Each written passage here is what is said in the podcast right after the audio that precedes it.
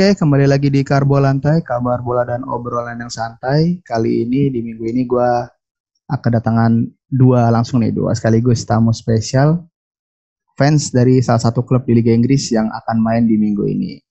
Oke, jadi gue kasih bocoran dikit ini fans dari kota London. Nah, karena London itu banyak klubnya, gue lebih spesifik lagi London Utara.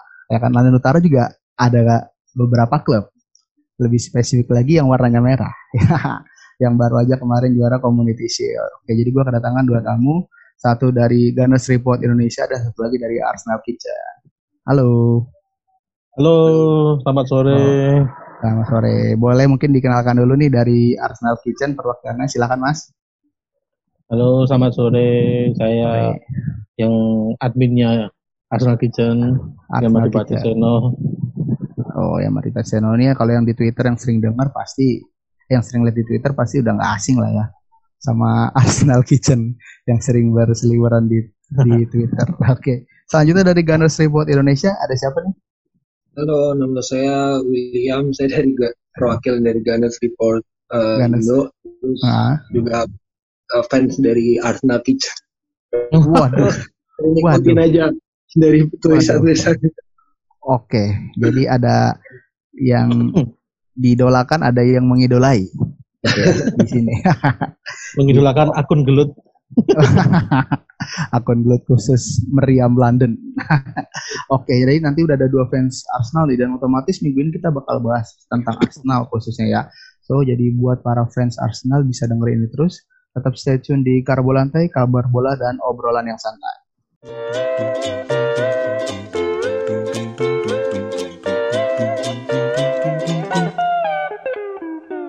Oke, kembali lagi di Karbo Lantai. Langsung aja nih kita tanya-tanya dulu. Rempet, saya pengen sedikit langsung masuk ke topik yang agak serius sedikit. Tapi agak santai sih. Sebenarnya kan gini, karena Arsenal itu kan dikaitkan sama salah satu gelandang Prancis yang lagi hype musim ini. Jadi bilang begitu. Itu Hostem Awar. Saya pengen nanya dulu nih ke Mas Yama. Ah, Mas Yama dengar gosip atau dengar rumor Hasem Awar yang katanya ada info mau ke Arsenal lah atau ditawar Arsenal atau gimana pun. Ya menurut Mas Yama gimana nih? Pendapat Mas Yama tentang kalau memang Awar ini bergabung ke Arsenal? Kalau misalnya jadi gabung ya ya alhamdulillah sih. Karena uh, tipe pemain kayak dia kan belum ada nih. Dan mungkin nah. kalau Arteta mau main 4-3-3 dia cocok jadi gelandang sentral sebelah kiri. Okay. Yang, yang modelnya lebih advance ketimbang Saka dan yang lain ya. Yeah. Bahkan lebih advance ketimbang Sebalos. Kalau menurutku sih kayak gitu sih. Dia bagus kalau akhirnya jadi. Tapi kalau misalnya oh. enggak sih juga. Kalau tidak apa-apa. Pikir, uh, enggak bukan apa ya, bukan kalau awar tuh bukan transfer yang harus terjadi musim ini. Oh, Oke. Okay. Nah, kalau ngelihat cara mainnya juga Arteta bisa manfaatkan beberapa pemain yang udah ada dengan taktik yang dia punya. Jadi ketika dia nggak bisa main 4-3-3, dia ganti jadi 3-4-3 dengan penyesuaian Sebalos. Sebalos itu kan jam lagi karena beberapa aspek permainannya meningkat nih. Kayak misalnya kontribusi bertahan makin bagus. Terus kesadarannya buat uh, istilahnya apa ya? Kalau kalau kehilangan bola langsung ngerebut gitu loh. Jadi ah, okay. sadar sadar harus pressing itu meningkat. Karena Sebalos sudah dipinjam, kalau Awar nggak datang sih kalau menurutku nggak nggak perlu disesali banget banget gitu. Beda kalau oh. partai. Kalau menurutku partai lebih dibutuhkan ketimbang awar sih.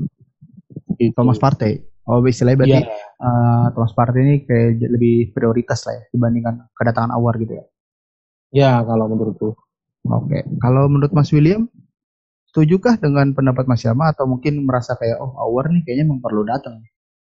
Hmm, kalau menurut saya saya agak sedikit netral ya karena ya uh, kalau dari opini saya sebagai fans, saya ingin nggak awar tuh datang kalau dalam okay. opini saya Arsenal kayak ingin mungkin serius untuk ngebangun struktur ulang tim. Jadi kalau pendapat saya tuh dengan formasi yang Arsenal Arteta terapkan belakangan ini kayak tiga empat tiga mungkin uh, Awar itu bisa jadi pendampingnya Saka gitu di tengah ya sebelah kiri juga gelandang sentral sebelah kiri saya setuju dengan Mas Yama hmm.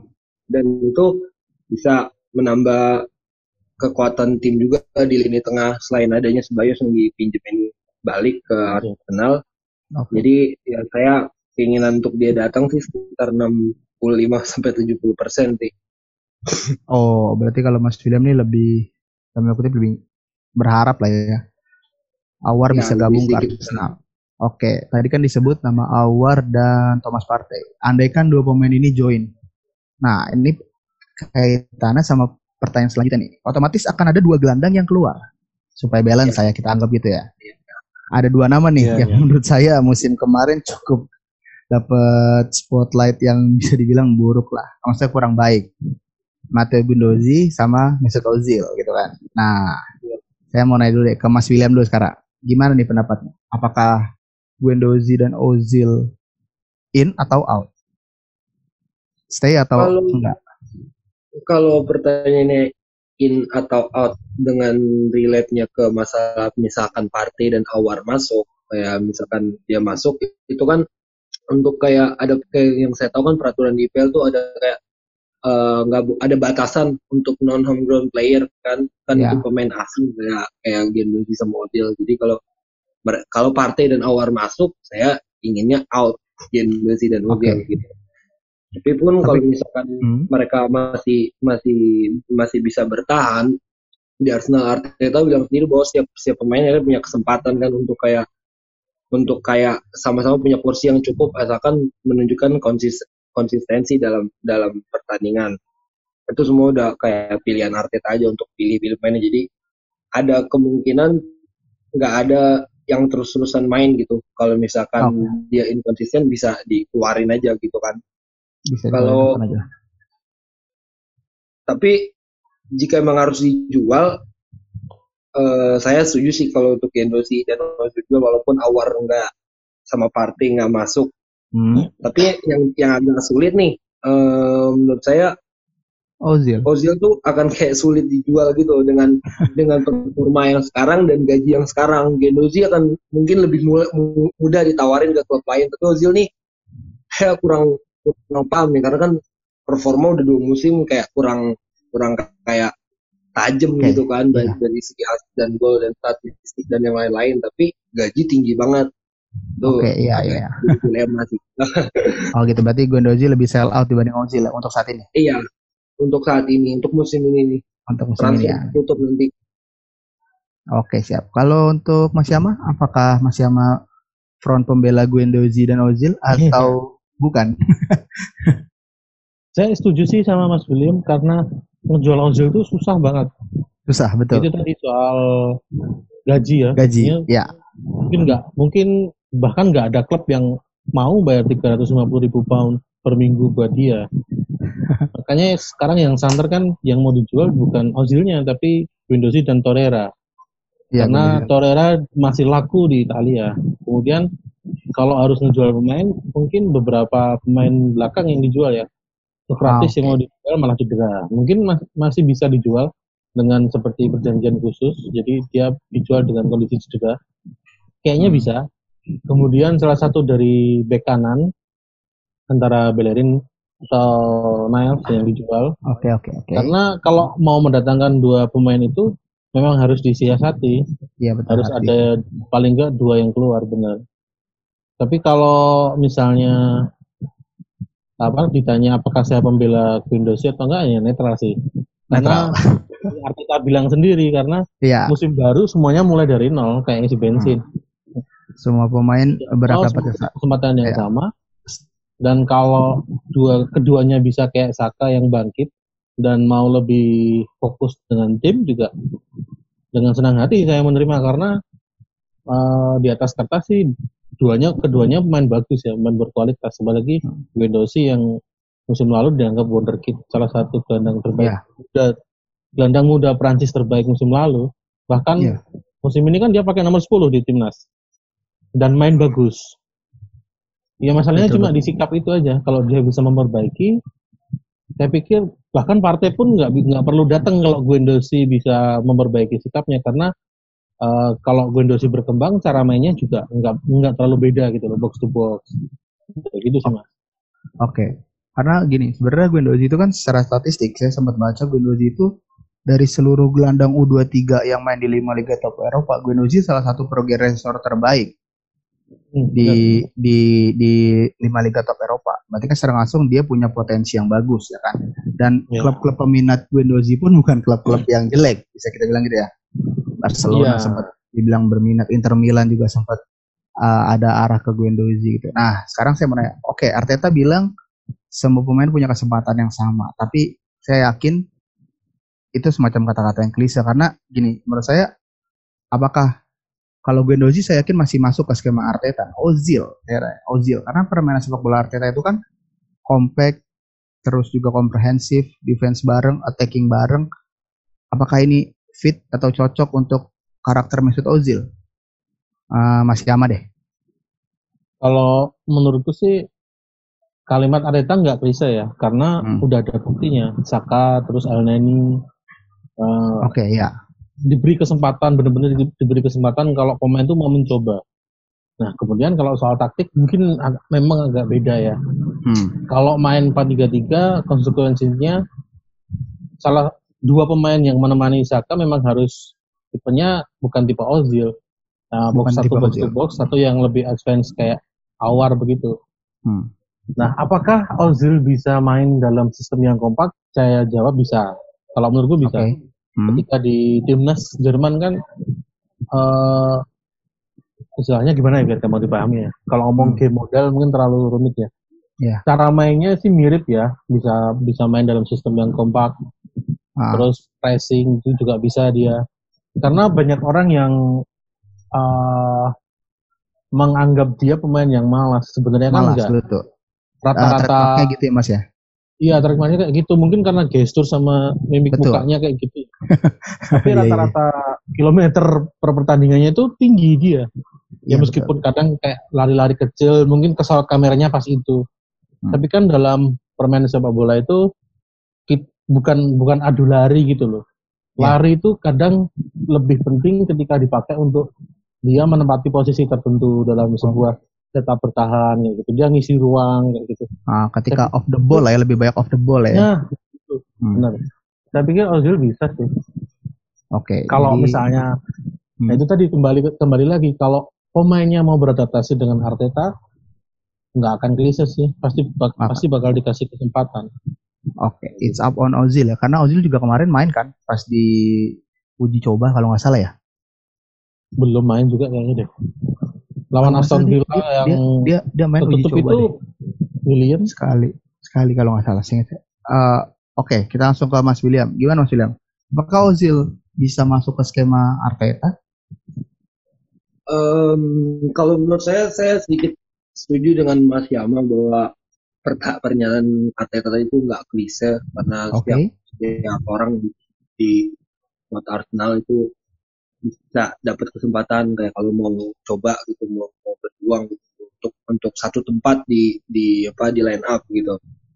Nah, memang kembali lagi kayak te- tergantung Ozil ingin, ingin memanfaatkan kayak statement itu atau enggak ingin ingin berubah kayak kayak untuk satu tim atau tetap kayak eh, ikutin gaya main dia sendiri tapi dia nggak akan nggak dapat nggak dapat apa namanya nggak dapat squad tapi kalau yang Hmm.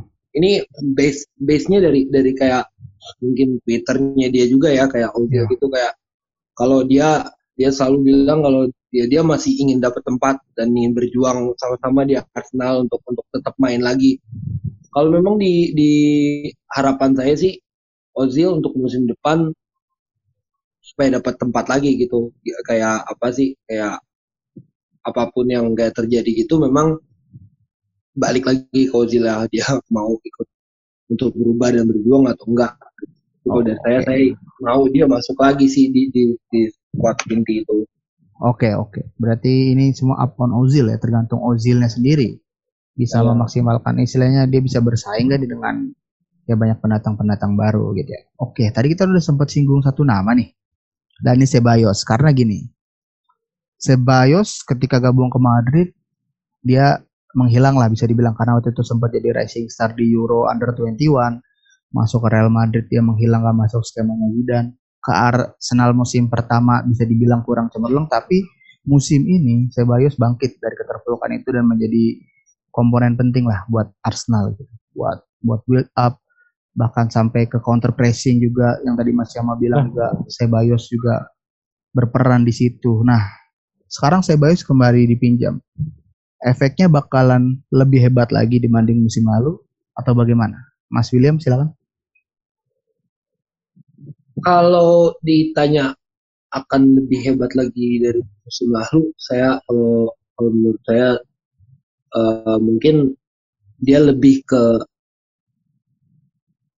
sesuai yang Arteta butuhin dengan hmm. dengan kayak kita mau Arsenal mau beli gelandang tapi kan masih masih terjerat sama peraturan yang kayak homegrown player itu jadi kita nggak bisa beli kalau kita nggak jual dulu pemain aslinya. pemain, oke. Okay. Iya iya kalau uh, kalau kalau sebaya sendiri menurut saya akan melengkapi kebutuhan uh, gelandang yang Arteta mau sih gitu jadi kayak dampaknya itu kurang lebih akan sama kayak musim lalu gitu. Sama berarti cukup signifikan gitu ya. Iya. Oke. Okay. Karena karena sebenarnya mungkin Sebayos itu mau dibeli, tapi saya nggak tahu kenapa Madrid kayak nggak mau lepas dia sendiri oh. gitu. Malah maunya akhirnya saya, saya lihat di berita terbaru sampai dia balik lagi malah pinjam lagi sistemnya. Iya.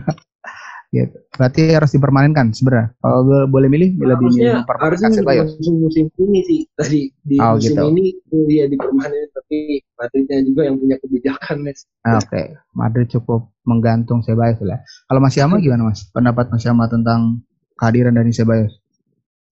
Kalau dibilang apakah Sebayos akan makin bagus ya? Jawabannya ya dan tidak. Karena semuanya kembali ke hal-hal yang simpel sih kayak konsistensi, terus apakah dia bebas dari cedera musim ini atau hmm. enggak. Karena kalau cedera kan bisa istilahnya menghambat perkembangan ya. Iya betul. Kalau konsisten itu yang pertanyaan terbesarnya di situ. Karena di akhir musim, terutama setelah proyek restart ini jalan kan, Cebalos bisa menaikkan level permainannya gitu loh, nambah beberapa atribut yang dibutuhkan dalam sistem 343 kayak uh, kontribusi bertahan dan lain-lain itu. Betul. Nah, kalau misalnya musim depan ketika jumlah lawan akan makin beragam kan, dia nggak mungkin mainnya kayak gini terus. Pasti ya. akan ada fasenya ketika Arsenal harus main possession, harus menguasai segala macam. Dari situ baru bisa diukur nih, apakah uh, dia bisa berguna atau enggak. Oh, Karena okay. kalau kalau misalnya misalnya nih main 4-3-3 atau 4-3-3 ya, hmm. Sebalos lebih lebih bisa bermain di banyak posisi ketimbang Ozil misalnya ya. Iya. Uh, posisi asli Sebalos kan nomor 8, gelandang gelandang sentral yang agak iya. nyerang, agak ke depan ketika di timnas Spanyol 21 kan posisinya kayak gitu. Dia di ya. antara striker dan gelandang sentral. Kemudian dia dipaksa dalam tanda kutip dia dipaksa harus bisa ke tengah, harus bisa nambah kontribusi bertahan dan lain-lain. Wow. Nah kalau Sebalos bisa menyeimbangkan dua tugas itu, uh, saya pikir bisa jadi bagus. Karena oh, gitu. kebutuhan tim dia mencukup, mencukupi kebutuhan tim. Ketika William main di sisi lapangan, hmm. Cebalos bisa ngisi tempat itu. Atau ketika William main di nomor 10, Cebalos bisa support juga. Jadi fleksibel. Nah kalau fleksibilitas itu bisa dipertahankan, konsisten, saya pikir bagus. Bisa menjadi tidak bagus karena problem tidak problem tadi ya, cedera gitu ya mas ya. Iya, hmm. kayak gitu kalau menurut hmm, Karena Cebalos kan juga sempat cedera juga kan, cukup cukup cukup lama gitu. Ah, nggak lama cuma saya bilang cukup lama dan itu juga salah satu yang menghambat Sebaik di tahun pertama di Arsenal kan. Ya, salah satunya begitu. Jadi layak untuk dipermanenkan kalau menurut Mas Yama? Kalau layak atau enggak sih uh, secara pribadi belum bisa menilai ya karena okay. Sebalos okay. ini dipinjam lagi kan karena Arsenal kesulitan beli gelandang baru dengan ah, tipe-tipe ah, yang darurat ya Mas ya. Iya, kayak plan B lah istilahnya ah. karena Awar masih susah didatangkan, partai juga. Saya pikir uh, kebijakan yang bagus sih kalau dipinjam dulu musim ini ya. okay, Dan okay. kayak yang dibilang Mas William tadi juga musim ini sebenarnya juga mau dibeli secara permanen sih karena uh, memang kita butuh gelandang baru tapi Real Madrid mungkin sadar ya kalau uh, hmm, dia akan menjual salah gitu ya. satu pemain muda terbaik di Spanyol yeah, gitu. mungkin sayang yeah, juga yeah. ya jadi pinjam dulu lagi aja lah nggak apa-apa gitu daripada jual permanen gitu. Ya ya. Oke oke. kita agak geser nih. Tadi kita udah bahas lini tengah terus nih. kita agak geser ke samping-samping sedikit ke sisi-sisi Arsenal yang punya pemain-pemain cukup cepat ini. Jadi ada Bellerin dan Maitland Niles yang dia eh, banyak diisukan akan cabut nih dari Arsenal. Kalau sebenarnya saya rada aneh sih karena justru kan di akhir-akhir musim ini dua pemain ini malah jadi pemain kunci ya kan. Niles sering main di wingback kiri, Iya. dari main di kanan dan itu menghasilkan trofi. Bahkan sampai ke dua trofi terakhir Arsenal kan mereka semua yang starter. Gitu kan. Nah, menurut Mas Yama deh, apakah Bellerin dan Maitland Niles ini nggak layak untuk dipertahankan? Kalau menurutku sangat layak ya.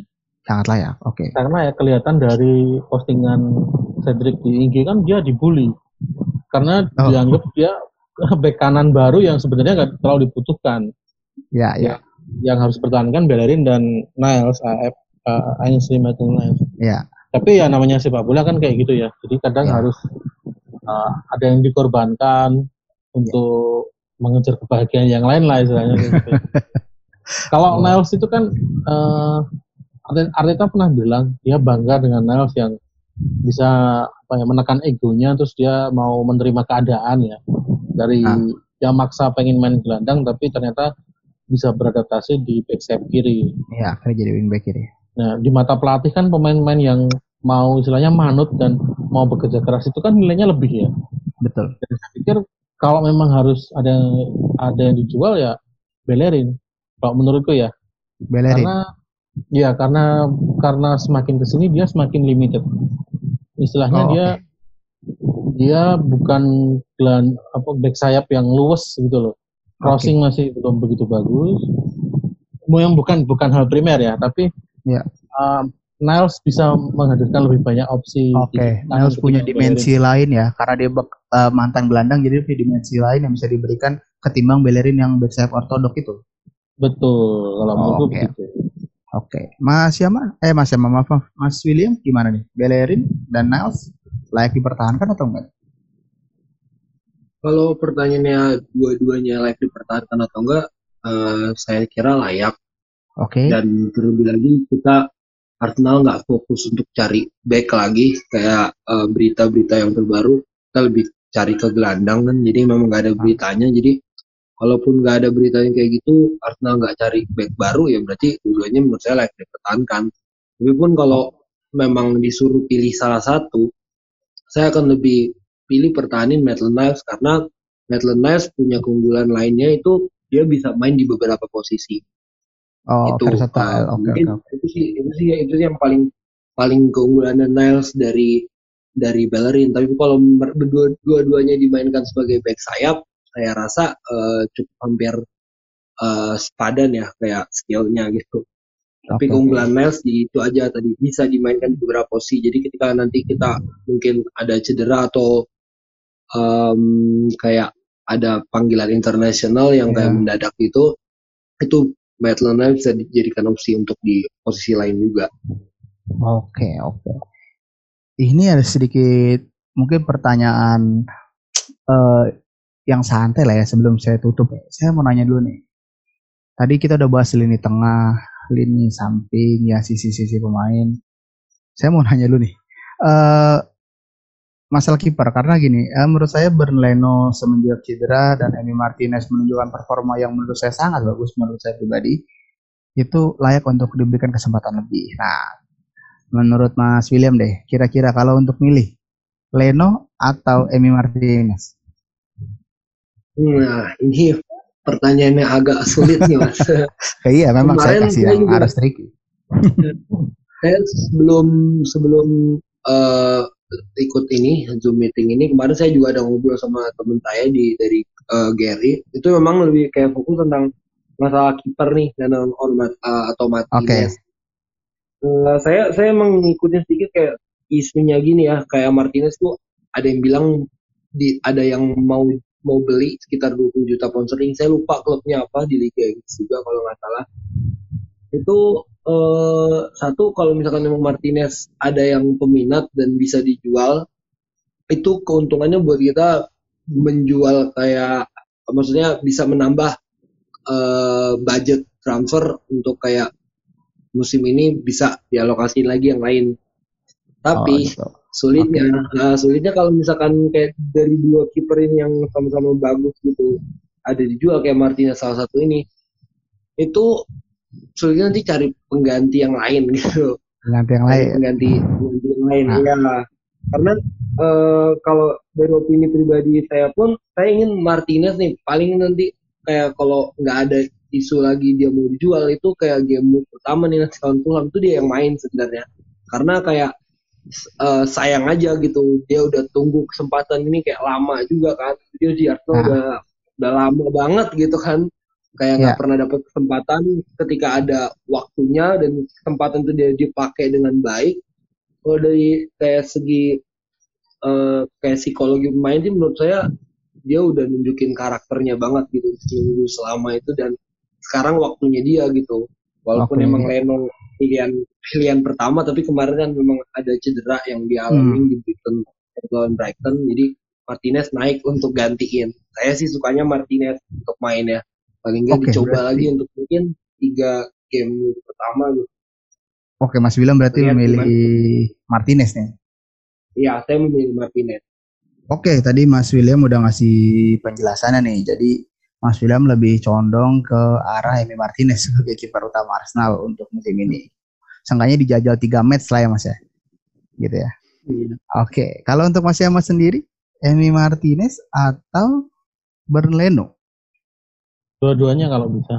Dua-duanya. Oh, nggak maksudnya yang prioritas kira-kira di liga kan biasa ada tuh tim-tim yang kayak di liga siapa di Copa atau di Liga Champions siapa gitu kan. Nah, Iya. siapa kira-kira? Bisa juga ya.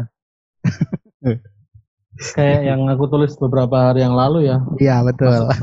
kelebihan punya kekurangan. Ah. Terus sejak aku jadi fans Arsenal tahun 98 itu, Wow. Robin itu tuh belum pernah punya dua kiper sama bagusnya itu. Iya, bagi perang sama-sama solid ya Mas ya gitu ya. Ya, sayang aja kalau eh, Emi harus dijual. Nah, terus eh, kalau harus milih sih, kalau ngelihat dari akhir musim lalu ya, Hmm. Emi layak lah dapat kesempatan seperti yang dibilang Mas dibilang Mas William ya.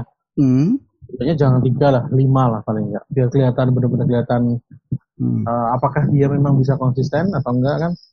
Nggak boleh cuma di- dinilai dari beberapa pertandingan gitu. Kalau bisa sampai setengah musim deh. Emi jadi kiper utama. Jadi kiper utama untuk setengah musim lah ya. Iyalah, lihat lihat gimana dia apakah bisa konsisten atau enggak. Karena dari cara mainnya dia cocok sama idenya Arteta ya. Ah. Dari belakang dia tenang banget dengan bola. Seleksi umpannya tuh juga bagus, berkembang baik, berkembang pesat. Hmm. Dia layak lah setengah musim jadi kiper utama. Cukup layak lah Iya. ya.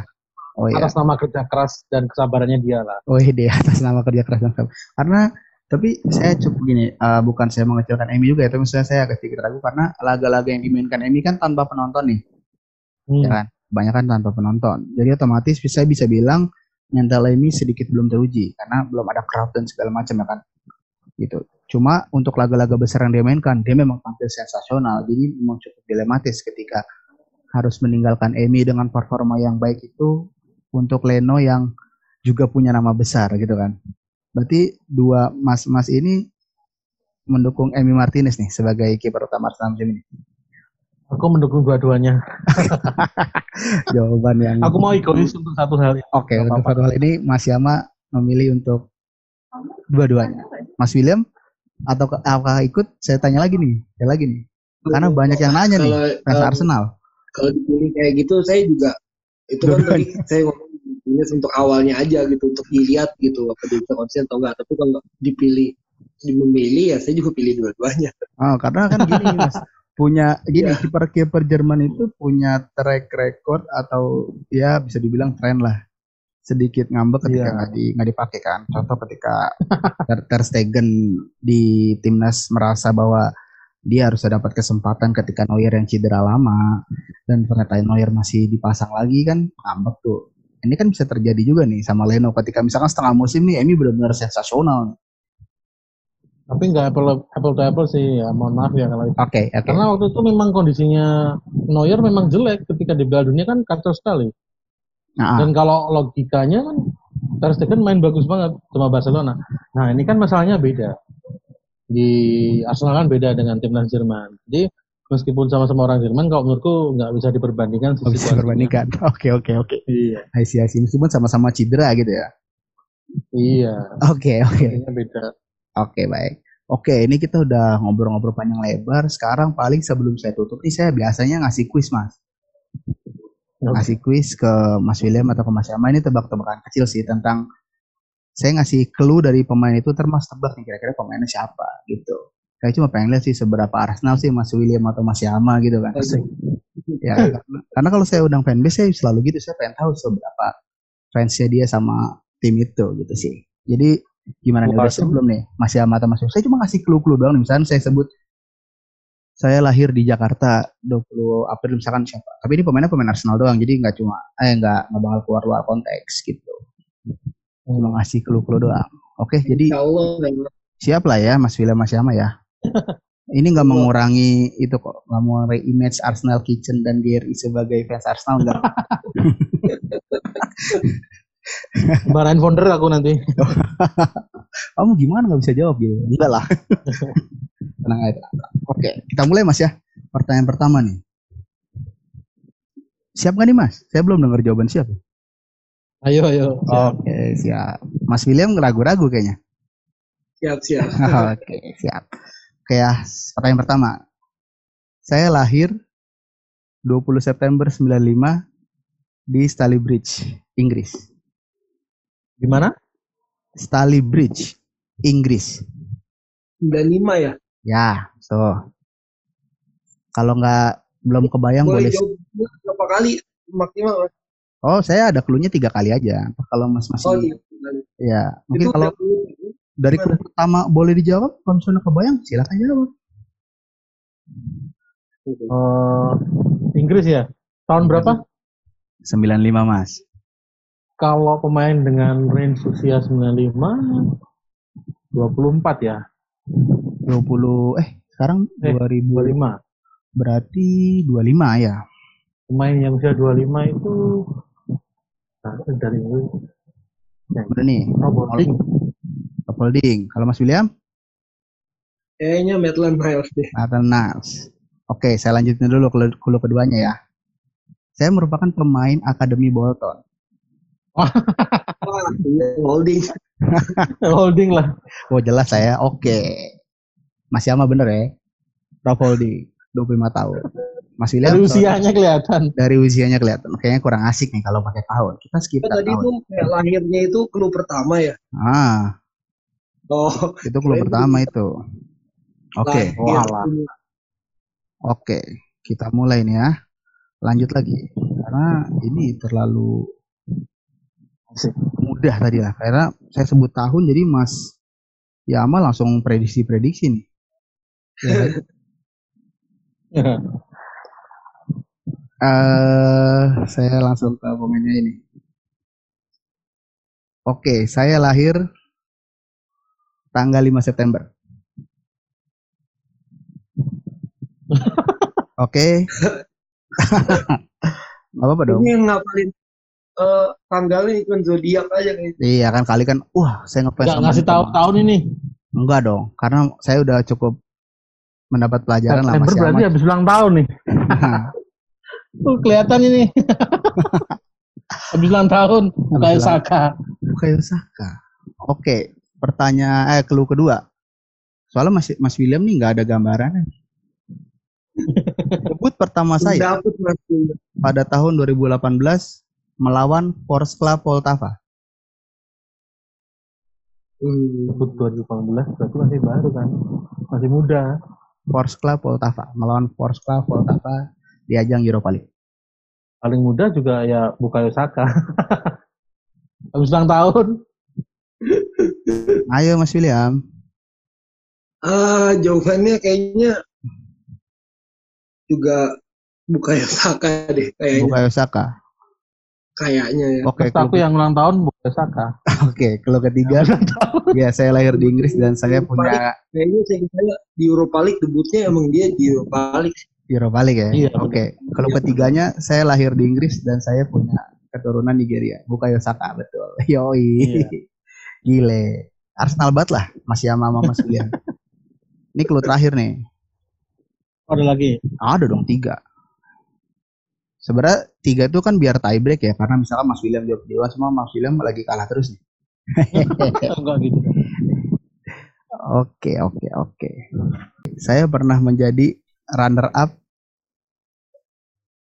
Euro under 17 Waduh. Tahun berapa nih euronya? tahun 2008. Tuh, saya kasih clue lagi tahunnya. Wah ini 2008 runner up. Euro. Jangan browsing Mas Yama, karena Mas Yama kawan camp jangan browsing ya. Wah, berat nih. Berat ya. Gimana? Mau lanjut atau gimana nih?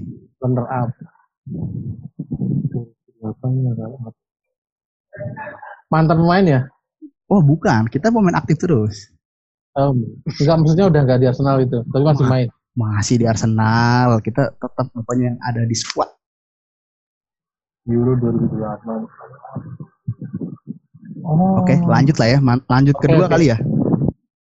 Kedua ya. Saya pernah menjadi top skor di liga. Liga mana nih? Liga Perancis. Tuh, saya jelasin. Laka ya?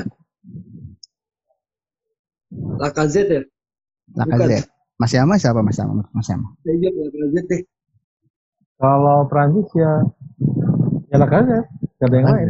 Lacazette. Oke, clue terakhir. Saya merupakan Arsenal Player of the Season 2018-2019. Iya Lacazette, Lacazette. Oh Iya. Alexander Lacazette. oke, oke, oke. Tiga Oke. pertanyaan nih udah dijawab sama fans-fans Arsenal dan ya cukup Arsenal lah ya. Mereka lama, masih layak lah. Reputasi sebagai Gunners Report dan Arsenal Kitchen tidak tergerus lah ya dengan Ah. yang saya bawa ini. Palingan itu aja nih Mas eh, buat sesi podcast kita kali ini nih. Terima kasih ya buat Mas William dari Gunners Report Indonesia dan juga Mas Yama dari Arsenal Kitchen yang udah menemani kita nih di minggu ini ya Mas ya. Gitu. Terima kasih udah diundang. Oke, sama-sama Mas gitu. Next time kita ngobrol-ngobrol lagi lah tentang Arsenal. Oke, teman-teman Ya, yang pada dengar paling itu aja nih pembahasan tentang Arsenal dan sekitarnya lah ya. Dan tadi kalian juga bisa dengar dua orang ini ternyata memang asli fans Arsenal nih. Dari kuis-kuis yang tadi saya bawakan mereka bisa jawab semua nih di clue-clue kedua lah. Udah mereka mungkin yang clue pertama mungkin malah ada yang udah bisa jawab gitu. Oke, paling segitu aja nih obrolan kita tentang Arsenal di minggu ini. Tetap stay tune di Karbo Lantai, kabar bola dan obrolan yang santai. Bye bye.